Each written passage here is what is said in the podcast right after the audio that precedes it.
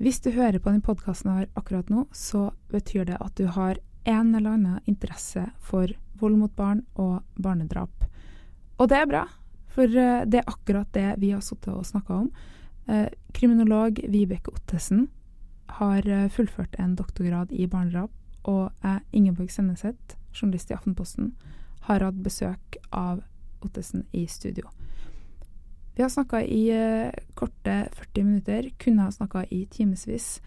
Jeg tror at dere kommer til å synes at dette er utrolig interessant. Og det er ingen dumme spørsmål som er på den.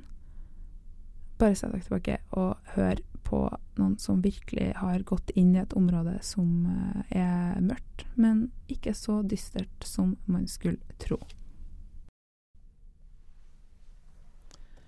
Da er vi så heldige å ha fått kriminolog Vibeke Ottesen inn i studio. Og du Vibeke, du har eh, akkurat ferdigstilt en doktorgrad om barnedrap. Det jeg lurer på da, er hva er det viktigste du kan lære oss?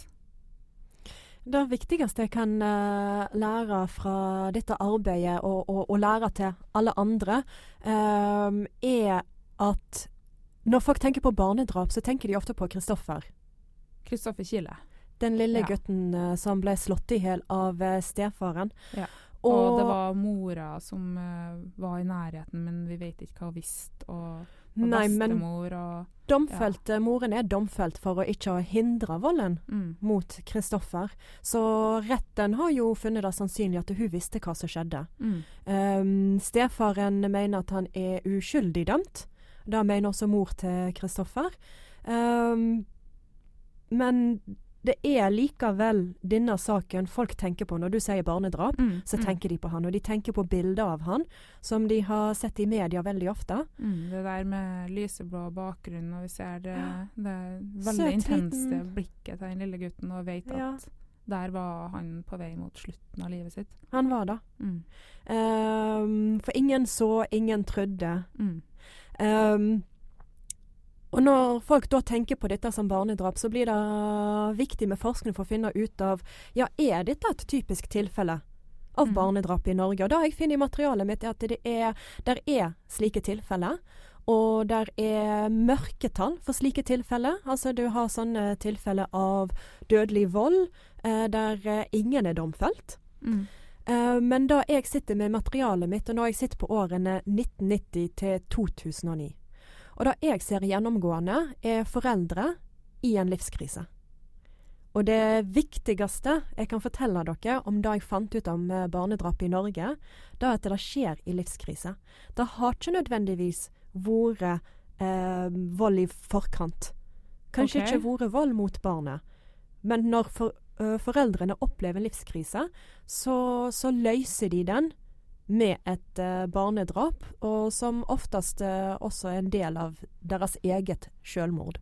Ok, Så hvis jeg forstår det riktig, så, jeg, så oppstår et problem i livet deres, og de finner løsninger, og løsninga er å gjøre slutt på livet til barna og seg sjøl. Men, men, det der skurrer jo veldig til meg, da. Eh, hva slags problemer kan vi Alle all møter på problemer, liksom. Hva er, hva, hva er, en sånn type livskrise? Og er det sånn at vi alle på en måte bare er disponert for, eh, for, eh, for å gjøre så drastiske ting hvis at vi havner i en krise? Nei, så enkelt er det ikke. Men uh, det er så enkelt at det er typiske kjønnsmønstre for disse livskrisene. Okay. For menn så er det uh, å være i en økonomisk uh, krise, eventuelt et samlivsbrudd. Det er ja. de to tingene som uh, i nær, veldig nært i tid så kan de begå selvmord, og av og til så tar de med seg det kjæreste de har. Uh, det kan også være mødre som har slitt psykisk i uh, flere år, med alvorlig depresjon f.eks. Og de kan også ta barna med seg. Um, med en bekymring om uh, hvordan barnet har det. En bekymring om hvordan barnet har det uten de. Dette er som sagt uh, nært knytta til at de tar uh, selvmord. Og da tar de med seg det kjæreste de har. Ja. Så ja. å lete etter ondskapsfulle foreldre, da tror jeg ikke vil få ned um, få ned barnedrap i Norge på samme måte som hvis vi kan alle bare være der for foreldre i livskrise. For du kan ikke se det på en forelder Men hvordan skal vi få det til da, hvis vi ikke kan se det på dem, at de er, eller få noe ytre tegn på det? Du kan få de ytre tegnene ved at uh, dette her er en forelder som er i disse livskrisene.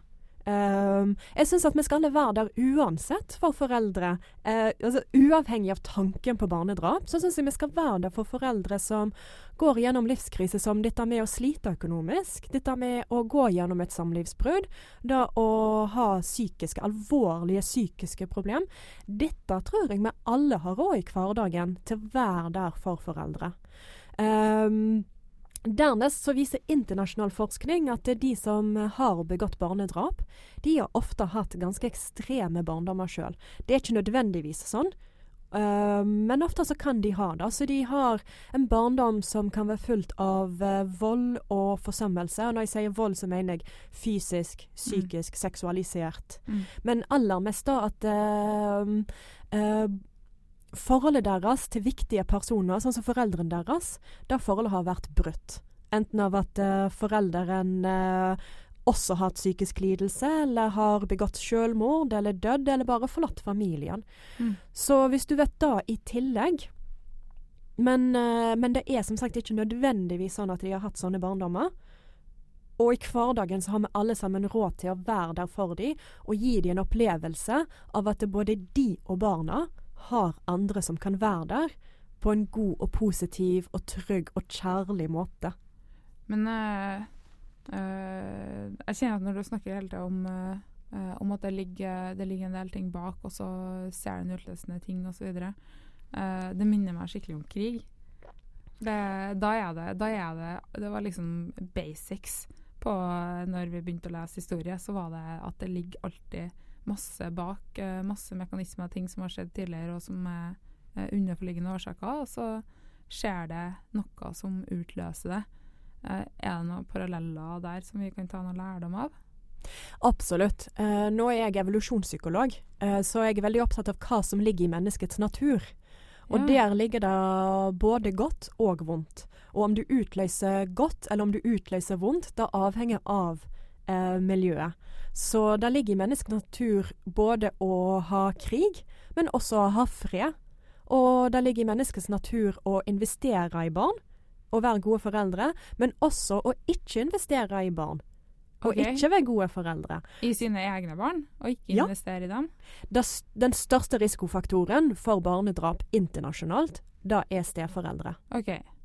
Jeg kan ikke snakke om mine norske resultat ennå, men internasjonalt ser vi at uh, steforeldre er en betydelig større risikofaktor enn alle de andre, deriblant uh, økonomi. Um, så, så, først og fremst er det sånn at vi er evolvert til å ikke investere like masse i andres barn som våre egne. Men, jeg, tror, jeg, tror, du må spole bitte litt her. Du sier evolusjonspsykolog og at vi er evolvert. Hva, si litt hva du mener ja. eh, om det. Ja. Um, hvorfor, hvorfor, utgjør det så stor forskjell på steforeldre og andre, f.eks.? Evolusjon tenker mange på som uh, utvikling. Ja. Og da er det for så vidt. Men utvikling da kan gi assosiasjoner til at uh, retningen er at når mennesker er involvert, så er det at vi har at vi stadig prosess til å bli noe bedre, noe mer moralsk godt. Uh, men sånn, sånn, er det ikke, fordi dårlige handlinger har lønna seg i vår fortid. Um, det har vi sett en del eksempler på, ja. ja, det har vi. Og der har du både barnedrap og krig. Men du har også fred, og du har også god investering i barn. Fordi da evolusjonen er Hvis det nærmer seg mer sånn en faglig forståelse enn bare ordet utvikling, så er det en endring i, i genfrekvenser i populasjonen. Altså evolusjon er endring i genfrekvenser. Og hvis du skal ha dine gener videre til neste generasjon, så vil det jo lønne seg å investere i de som har genetiske likheter med deg, altså ditt eget mm. barn. Mm. Så det første når uh, sånne evolusjonære seleksjonsprosesser uh, skal forme foreldrepsykologi, er jo å sørge for at folk investerer i sitt eget barn, og ikke i alle barn. Mm. Uh, og dette ser vi at folk uh, opplever jo helt andre følelser for egne barn enn andres barn. Uh, de fleste av oss vil jo ikke ta det til den grad at vi begår barnedrap. Men hvis du som evolusjonspsykolog skal se etter risikofaktorer for barnedrap, så fant da evolusjonspsykologer på 80-tallet at den største risikofaktoren for barnedrap var da at det ikke var en genetisk slektskap. Men det var på 80-tallet. Mm. Har det kommet noen senere studier enn det? For det, det, har jo kanskje vært en viss utvikling i uh, hvordan vi lever livene våre òg, da? Absolutt. Dette her var forskning på 80-tallet som brukte uh, et utvalg barnedrap, som uh, ofte var i all hovedsak fra 70-tallet og USA. Um, og nå sa jeg jo at hvordan miljøet er, påvirker om det utløser godt eller vondt. Og den evolusjonære belastningen, altså hvor masse penger og tid du investerer i et stebarn, var nok høyere i USA på 70-tallet enn Norge i dag. Um, men hvis du skal se etter når en foreldrepsykologi slår ut sånn at du ikke investerer og du kanskje kan begå barnedrap, så vil en evolusjonspsykolog anbefale deg å se på dette med steforeldre. Ja. Fordi vi er ikke evolvert til å investere like masse i andres barn som egne. Og eh, vi ser det ikke bare med barnedrap, vi ser det med den fysiske volden som barn overlever. Mm. Vi ser det med den seksualiserte volden, vi ser det med den psykiske volden. Vi ser at barn i denne type husstand flytter ut tidligere enn barn som bor enten med en alenemor eller med to genetiske foreldre. Vi snakker med kriminolog Vibeke Ottesen om uh, barnedrap og vold mot barn. Um, nylig så publiserte uh, Aftenposten en analyse som viser at mødre tiltalt for vold mot egne barn, de slipper oftere soning og får lavere straff pga. sin rolle som mor. Hva tenker du rundt det, Vibeke? Ja, jeg snakka jo med journalisten når de lagde denne saken, og som jeg sa til de, eh, så er dette noe som eh, barnedrapsforskere internasjonalt også har sett på. Eh, men konklusjonen er ikke entydig. En har merka seg at det da kanskje er systematiske forskjeller mellom menn og kvinner. Da må en finne ut av er det ene og alene fordi den ene er kvinne og den andre er mann, eller er det noe mer? Og det er da det begynner å bli litt komplisert. Mm. Eh, fordi ja, vi ser at kvinner oftere får eh, psykisk helsevern. Altså de blir sendt til psykisk helsevern. Istedenfor straff? Ja. Tenker, ja. ja. Eh, mens menn oftere får uh, fengselsstraff. Mm. Uh, kvinnene får ofte diagnose også, enn det menn gjør. Men en diagnose, en psykiatrisk diagnose, da får du ikke ene og alene fordi du har et kjønn. Der er strenge kriterier for å oppfylle da at du har en diagnose. Og, og ofte er det of også da at de har jo um, De får jo ikke nødvendigvis diagnosen der og da. Uh, foreldre som begår barnedrap i vestlige verden i dag, har i stor grad psykisk lidelse i forkant. Mm. Så her har kvinnene en historie med psykisk lidelse som menn ikke har. Um, For det gir jo mening, eh, tatt i betraktning det du åpna med.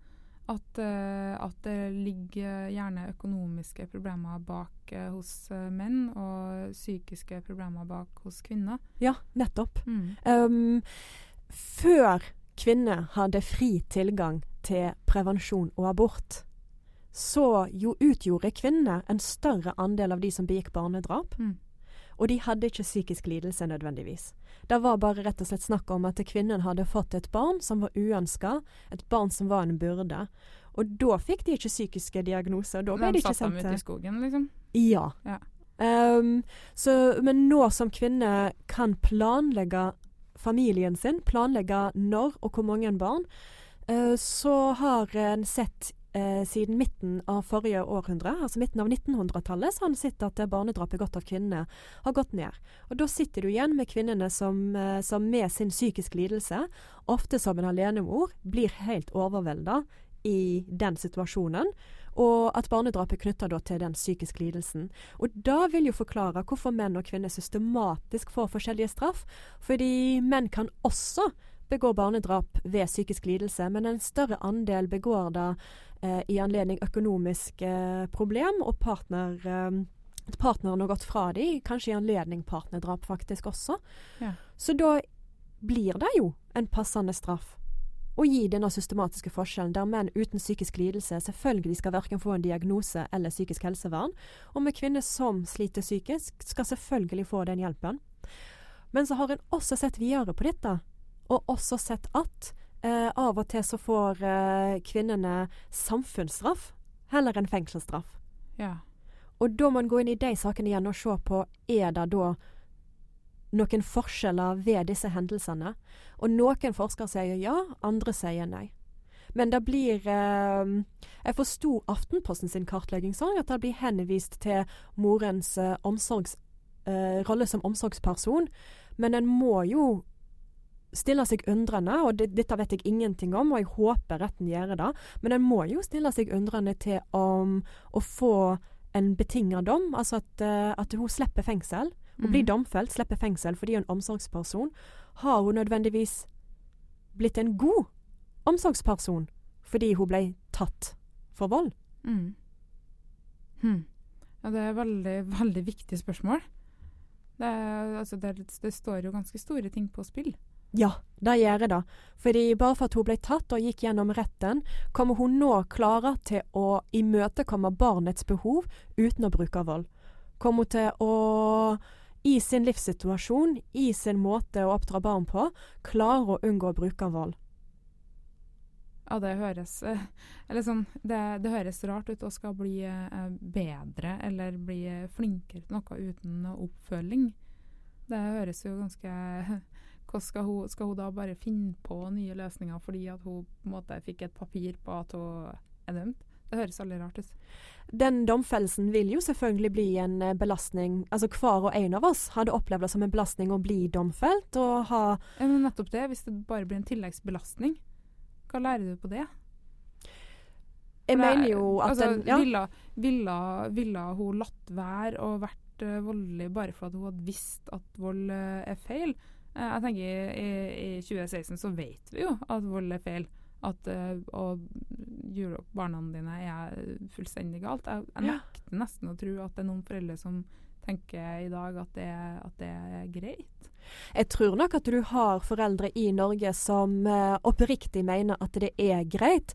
Helt utenkelig er det ikke. Du mm. trenger ikke gå lenger i en kulturell reise enn til England for å finne ut at der har foreldre lov til å slå barn, sånn at du får uh, at huden blir rød.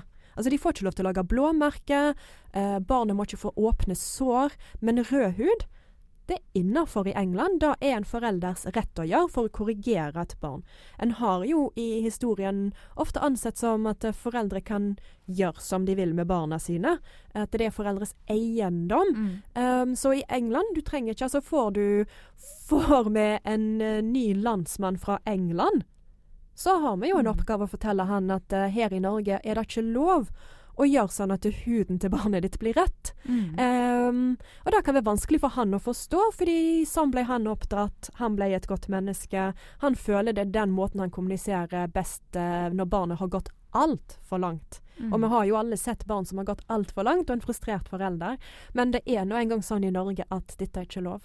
Og da som eh, barnedrapsforsker, så mener jeg at det da er veldig heldig. Og mm. det er fordi når denne loven kom, om at det var ikke lov til å bruke fysisk avstraffelse. Sverige, Norge, Finland var blant de første landene i verden, og mange fulgte etter. ikke, ja, Dessverre ikke England, men, eh, men ja. Og da um, var det sånn at uh, hvis en så at barn hadde blitt utsatt for fysisk avstraffelse, mm. så hadde du en veldig sånn lav terskel for at barnevernet kunne komme inn og, og finne ut av ja, hva mer foregår. Er det sånn at av og til så er ikke huden bare rød, men den blir også blå og gul? Mm. Og eh, da hadde de en anledning til å komme inn og si til og med på dette nivået så gjør dere noe som ikke er lov, så nå skal vi inn og sjekke. Og, og, og gi tiltak som skal hjelpe folk å bli foreldre uten å gjøre noe sånt mot barna. Mm. Hvilken effekt tror du loven der vil ha på lang sikt, i og med at det å være utsatt for vold er en faktor som disponerer deg for å utøve vold sjøl? Hvis at færre blir utsatt for vold, om det kan bli litt sånn positiv snøball? Dette tror jeg blir en positiv snøball. Lykkelige barn blir lykkelige voksne, som blir lykkelige foreldre, som får lykkelige barn og lykkelige barnebarn. Jeg tror dette, Som evolusjonspsykolog så har jo jeg stor tro på at uh, miljøet kan vekke godt i oss, og det kan vekke vondt i oss. Mm. Uh, så jeg tror at uh, jo mer vi kan gjøre at foreldre blir gode foreldre, alt fra dette til da at kvinner kan planlegge når og hvor mange barn. At de kan uh, sørge for at uh, rammevilkårene for å være gode foreldre er til stede. Alt dette tror jeg vil ja, bare skape bedre mennesker. Mm. Um, og én generasjon kan være nok til å få dette tilbakefallet.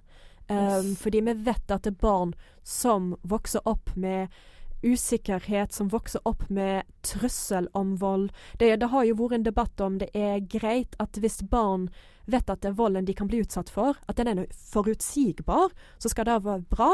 Ja, Det var i TV 2 Under huset, så kom det fram at uh, det var i alle fall Jon Hustad mente at uh, hvis at uh, barna vet at volden kommer, så er den ikke så, så alvorlig. Er det forskjell på det? Vi vet at uforutsigbar vold Utforuts, uforutsigbare følelsesutbrudd fra foreldre som kan være enormt skremmende. Mm. Og det er det vi kaller for psykisk emosjonell vold. Voldsomme utbrudd fra foreldrene eh, vekker angst hos barn. Og hvis den er uforutsigbar, så er den verre enn når den er forutsigbar. Mm. Og vi ser at barn som lever med uforutsigbar vold, kan eh, skape eh, skaper bråk. Altså kan type velte glass, kan være utagerende nettopp for å, for å skape en forutsigbarhet. da. Sånn at ja. de vet at den, de kan oppleve litt kontroll i det de kaoset de lever med. Framprovosere ja. kontroll? Ja, det, er jo, det, er helt, det, er jo, helt, forferdelig å høre at barn vil velge sånne taktikker for å få kontroll på hverdagen sin. Men det gir jo mening. Det gjør det. Men når vi da vet at det uforutsigbar vold er verre enn forutsigbar vold, så er ikke det et argument for forutsigbar vold. Og når en sier at forutsigbar valg ikke er skadelig, så blir jeg veldig nysgjerrig på hva mener du med skade? For det er jo nettopp da at barna har lyst til å unngå skade, som gjør at en kan påstå at vold skulle kunne være overhodet effektivt. Hvis barnet mitt vet at bråker han ved middagsbordet, så får han en klaps på bakhodet. Så er det jo nettopp da fordi at det, klaps på bakhodet det er krenkende, det er vondt. Barnet vil unngå det. Det er jo nettopp derfor du kan påstå at det virker. Men mm. til og med i vestlige eh, land så har en jo gått fra den type vold også i hundeoppdragelse. Mm. Så um, jeg er nok ikke blant de som sier at fordi forutsigbar vold ikke er like gale som uforutsigbar vold, så er den innafor. Det er en krenkelse. Det er å gi smerte. Trusselen om det gir et ubehag. Vi vet der finnes andre metoder. Mm. Det blir vel en pest og kolera-sak, ja. Um, jeg vil bare minne alle sammen som hører på om at vi kommer til å legge ut uh, lenker til de ulike tingene som blir snakka om. Jeg skal få Vibeke til å lage en liten oversikt over uh, publiserte uh, studier og sånn sånn at folk selvsagt kan gå det vi snakker om litt i sømmene. Jeg skal jo selvfølgelig også legge ut klippet fra TV 2. De har jo også en podkast til sitt Underhuset som er, som er veldig god. Um, ikke så veldig lenge siden så ble ei kvinne dømt for å ikke ha hindra vold mot sin egen datter. Eh, og med det så hadde hun da medvirka i volden som dattera ble utsatt for i fire år. Eh, og du Vibeke, i en kronikk i Bergens Tidende så skriver du at omsorgspersoner som lar andre skade barn, er like virkelig som dem som skader barna. Det, det må du si litt mer om. Fokuset har vært på den som utsetter barnet aktivt for vold. Eh, det har vært fokuset i eh, en strafferettslig forstand. Det er de vi straffeforfølger. Men eh, ja, og også i en sånn forebyggende forstand, at vi må få folk til å ikke utøve vold. Men det som da mangler, det vi mangler kunnskap om, er at i de tilfellene der vold, og igjen enten det er fysisk, psykisk, seksualisert vold, eller det har vært forsømmelse av barn, enten mm. barnet lever eh, videre, eller om det blir drept til slutt av dette, så har det ofte vært én til person i den husstanden. Mm. Noen barnedrapssaker Jeg sa jo det var mørketall på barnedrap i Norge. noe av grunnen til det er at når politiet ikke klarer å avdekke hvem som var den aktive, mm. og hvem som var den passive, så har de henlagt saken. OK. Fordi de er nødt til å vite hvem som hadde hva rolle. Ja. Du må si i retten Så da ble, siden at de var ikke sikre på hvem som skulle dømmes, så blir ingen dømt? Ja, altså han må jo være sikker på hva han skal dømmes for òg. Ja, Fordi du skal stå i retten og si tiltalt A var aktiv, tiltalt B var passiv. Ja. Men når de enten støtter hverandre, sier ingenting skjedde, eller de går mot hverandre, A sier det var B, B sier det var A Du må kunne være helt sikker i den sak skal du domfelle noen. Selvsagt. altså ja. Uskyldspresumpsjonen må jo gjelde, men er, måtte de da ha tatt at begge var passive, eller hvordan skal de gjøre det? Det vil jo være et, en utrolig urett overfor barnet hvis at ingen får uh, noen konsekvenser av det som har skjedd.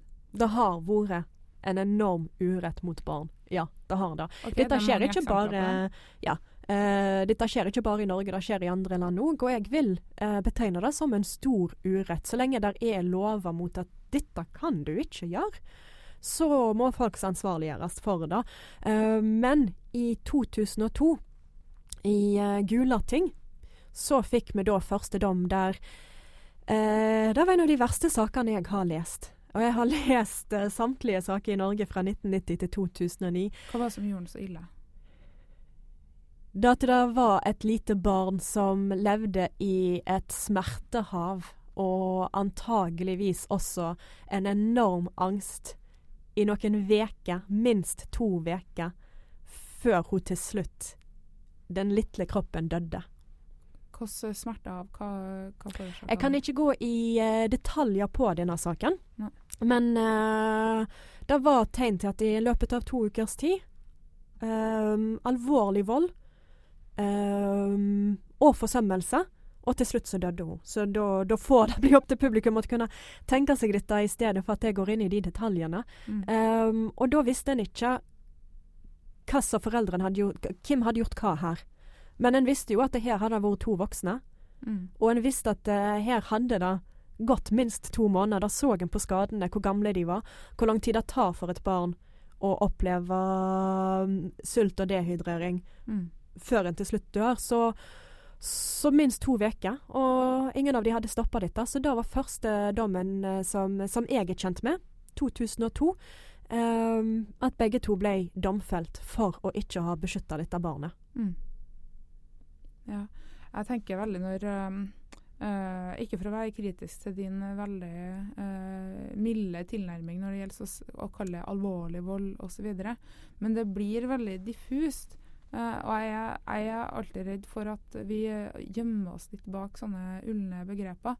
Um, for en tid tilbake så, så jeg en konferanse som uh, Inga Marte Torkelsen i sin tid uh, arrangerte, som var den Du tror det ikke før du ser det. Eller motsatt. motsatt. Du ser det ikke før du tror det. og da var det barneleger og andre som, som sa rett ut hva som skjedde, og som viste plansjer av av skuldre ut av ledd, av, av skeive armer fordi at de var knokke, og av, av, forferdelige sår på barna og bent ut tortur. Og det var så stilt i den salen, og da tenkte jeg at herlighet, det her er det her er det som vi, vi alle burde se. F.eks. vi som er helseutdanna, er utdanna sykepleier, og det var, jeg syns det var svært lite av det. Og så der blir begrepene veldig generelle, da. men er det, er det, jeg som er for opptatt av at vi skal få ut detaljene? Kan det, kan det ha en sånn motsatt effekt? Eh, jeg tenker at du som har doktorgrad, har eh, nok sikkert gjort deg dine tanker om hvorfor du er litt mer eh, generell. Er, det, er, er, man redd for å skremme bort folk igjen, eller eh, hva er det der? Ja, det, det, er en hel liste, men jeg tror dette med å ikke skremme folk er veldig viktig. Mm. Um, fordi folk må kunne tenke seg at det skjer.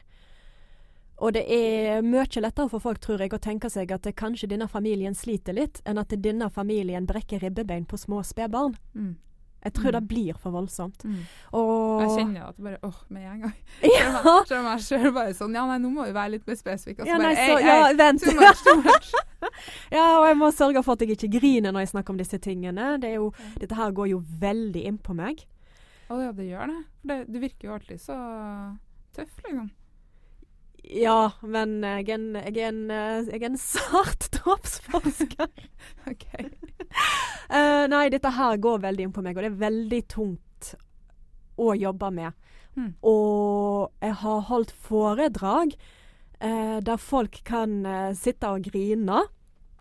Mm. Det føler jeg et ansvar for. Og så blir jeg òg veldig opptatt av at folk må ikke avfeie dette, av, uansett hva grunnen deres kan være for å avfeie det. Mm. Uh, uansett hvor forståelig det er, så, så, må de ikke gjøre det. Um, og jeg tror at det blir da Blir det skremmende, blir det grotesk, blir det overdrevent fælt for den som sitter der og har alltid tenkt på liksom, Ja, nå skal jeg på et foredrag om barnedrap. Gud, så spennende så må ikke de få helt sjokk når de skjønner at dette her er ikke spennende, dette er virkelig. Og da tror jeg jeg får fram uten disse detaljene. Mm. Og um, jeg, kan, jeg, kan, jeg, kan, til og med i noen foredrag jeg tester, teste fort publikum, uh, men teste humor. Fordi hvis vi kan løse opp stemningen, hvis jeg kan både få fram alvor, men samtidig ikke gjøre det til en uh, mørk og dyster opplevelse dette foredraget jeg holder, da. Ja. Um, av og til så vil jeg uh, si unnskyld til publikum. Uh, når jeg sier noe, og så ser jeg responsen i ansiktet deres, så kan jeg si jeg beklager, dette her er selvfølgelig vondt. Dette er selvfølgelig forferdelig, men vi må snakke om det. Mm. For da, da, da, må vi. Um, men det er interessant da, at du kan bruke litt humor om det. For jeg, jeg prata litt med en kompis her forleden, og da snakka vi om om det går an på en måte å tulle med alt. Og jeg har den klare oppfatninga av at, vi, at, uh, at vi, vi, må jo for all del tulle med absolutt alt, sånn at det er mulig å snakke om, liksom. Bare, bare gjør det overkommelig å prate om de vanskelige ja, tingene. Det er, en, det er en teknikk å gjøre det. Jeg har holdt uh, sånne foredrag om uh, dette og andre. Jeg er jo kriminolog, så alle, alt jeg snakker om er dystert og vondt og fælt og, og kriminelt. Um, og jeg har, uh, har, måttet lære meg måter å, å, nå fram på, sånn at folk ikke bare helt stenger av, men jeg må teste publikum. Og jeg tror uh, de, som, de, som, kan være mest frustrerende da, er for det er så viktig for meg Jeg må kunne lese publikummet mitt. Har de forstått meg nå? Mm. Um, som er litt sånn vanskelig med podkast. Nå vet jeg ikke hos, hva som skjer der ute akkurat nå, men uh, da liker jeg foredrag. Men de som er vanskelig å holde foredrag for, som, som er en av de største målgruppene mine, mm. da er jo politi og påtale. Å ja vel. Er de vanskeligst?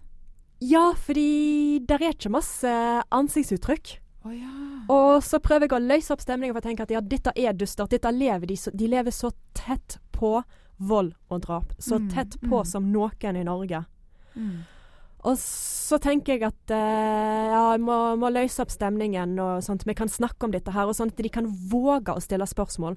Har du en veldig sånn formell tone, så får du ikke mange spørsmål fra salen. Blir det litt mer uformelt, så tør de. Mm. Og det er så viktig at publikum tør å stille spørsmål. Mm. Um, så da løser jeg opp stemningen. Og jeg, jeg hørte meg sjøl si Jeg var i et politidistrikt i uh, november og fortalte litt om hva jeg hadde funnet om barnedrap i Norge.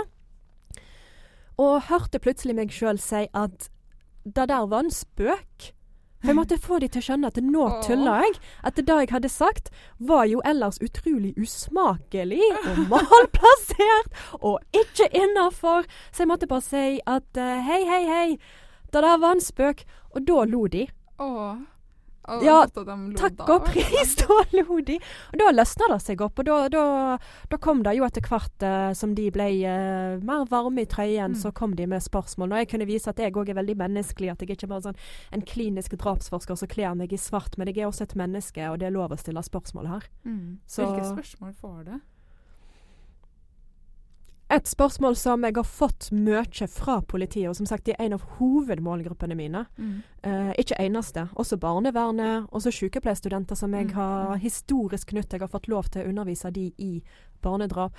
Um, men uh, et, de er en av hovedmålgruppene, og jeg har lagt merke til den siste tiden at de har spurt veldig etter, og dette er en positiv utvikling, mm. de spør veldig etter hvorfor har du den passive andre som ikke hindrer. Ja. Da er de veldig opptatt av. Um, så det var litt av inspirasjonen da jeg ble invitert av Bergens Tidende til å skrive et innlegg. Uh, så, så, valgte jeg da temaet, fordi da jeg, jeg, tar til meg det folk har lyst å vite om dette her. Da har jeg lyst å formidle til dem hva forskning sier om. Så, og her var det dessverre veldig lite forskning, og jeg har følt at jeg har kommet til kort i møte med behovet til politiet her. Går gjennom forskning på det. Um, så da ble det bare en tekst der jeg tenker mer høyt med leseren. Mm. Og tenker at dette her må vi lære mer om. Fordi jeg sa som du sa, jeg skriver i teksten at de er like virkelige. Den passive andre er like virkelig som den som utøvde volden. Um, men de også like viktige. Fordi du kan ikke bare fokusere på den som begår vold. Fordi hvordan skal du vite at han eller hun gjør det? Men mm. hvis den andre voksne i husstanden, det voksne vitnet, som kan gå til hjelpeapparatet og tale barnets sak, om vi bare kunne visst hva som skal til for at de velger å gjøre det. Oh, om, vi om vi bare kunne. Det. Ja. ja. ja. Du, vet du, når du sier det der med virkelig, så, så minner jeg meg om noe annet du fortalte meg. Uh, at, uh, at når du satt i frisørstolen og ble spurt om hva du driver med, ja. så, så nøler du litt med å, med å si det. Ja. Kan, du, kan, du, fortelle den, så folk får høre det? Jo.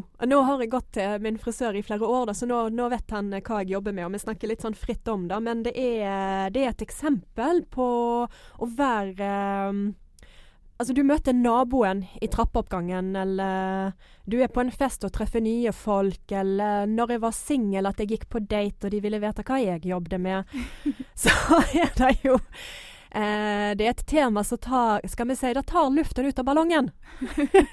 er, um, for jeg kan ikke gå rett på humor rundt temaet. Jeg jobber med barnedrap, og så kommer vi med en one-liner Babumtsj. Sant? Så det Hva skal en gjøre? Jeg syns det, det, det, er vanskelig. Uh, stolt av yrket mitt, stolt over bidragene mine, men dette her kan bli litt sånn Det kan bli litt trøkka. Mm. Så når folk spør, og som når frisøren min første gang spurte ja, hva jobber du med, så prøver jeg å uh, unngå det i det lengste. Så jeg vil si jeg forsker. Mm. Ja vel, og hva forsker du på? Jeg forsker på foreldrepsykologi. ja vel, ja så spennende. Ja, foreldre kan jo være så mangt. Hvordan da? Hvordan da foreldrepsykologi? At en er så glad i barna sine. Joa! uh, men mer sånn type foreldrepsykologi i livskrise. Å oh, ja, ja, ja, hvordan da? Og så er det Det er liksom det lengste jeg klarer å trekke det før jeg må si drap. Og da blir det trøkka. Mm. Uh, men noen ganger så kan folk òg svare uh, Så spennende. Ja, OK. Det, men det er vel positivt at de syns det er spennende? Um, jeg er nok skada av Jeg har jo holdt på med å forske på dette siden 2008. Så jeg er nok skada i den grad at når de sier 'så spennende', så svarer jeg momentant det er viktig. Um, fordi spennende um, Nå er morsmålet mitt uh, engelsk, så det kan hende at jeg ikke har en sånn veldig nøyaktig forståelse av ordet 'spennende' på norsk. Men sånn som jeg forstår ordet 'spennende' på norsk, så er det ting som jeg hadde brukt mer om en film, ja. mer om en bok. Og så må en tenke at det, folk flest har jo ingen mer dypere kjennskap til hva barnedrap faktisk er, enn kanskje påskekrimmen. Mm. Og okay, det, ja. det er spennende. Men når jeg leser om brukne ribbebein, når jeg leser om åtte år gamle gutter som har 17 cm eh, kraniebrudd Det er Kristoffer du tenker på? Ja. ja. Mm. Uh, han hadde ikke brukne ribbebein. Det er andre barn Nei, som kanskje har.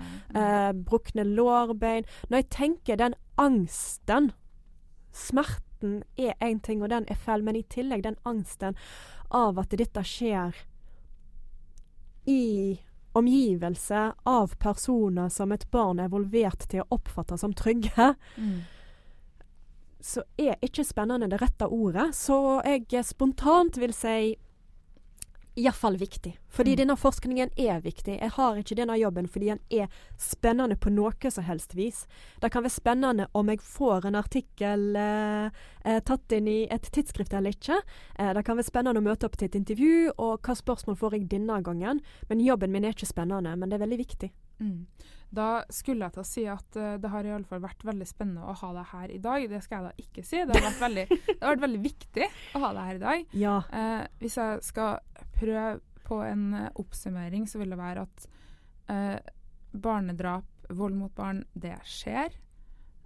det er gjerne bakenforliggende Eller det er alltid bakenforliggende årsaker, men også utløsende. Det er snakk om foreldre i krise. Uh, viktigste vi kan gjøre per nå, er å prøve å avkle de krisene og gå inn med tiltak. Uh, unngå heksejakt på foreldre som er dårlige foreldre eller er disponible for noe som helst, men å komme tidlig med tiltak. Uh, og vi trenger mer forskning som lærer oss noe om den andre, den passive parten. Har jeg oppsummert det riktig da? Ja. Å, så deilig. Ja. Uh, Viktigst av alt er dette er ekte, og dette er som oftest foreldre i en livskrise. Mm. Og vi har alle råd til å være der i hverdagen. Hvordan går det med deg? Og faktisk, faktisk spør rett ut om de har tenkt på barnedrap. Mm. Du, Vibeke Ottesen, tusen hjertelig takk for at du kom hit i dag. Jeg har satt bare så stor pris på det. Jeg kunne ha sittet her i eh, to timer til. Jeg òg, så takk for meg. det, vi, forhåpentligvis så kommer vi til å snakke mer om det er masse mer vi kan ta tak i. Det håper jeg. Det får vi se. Uh, tusen takk. Takk for meg.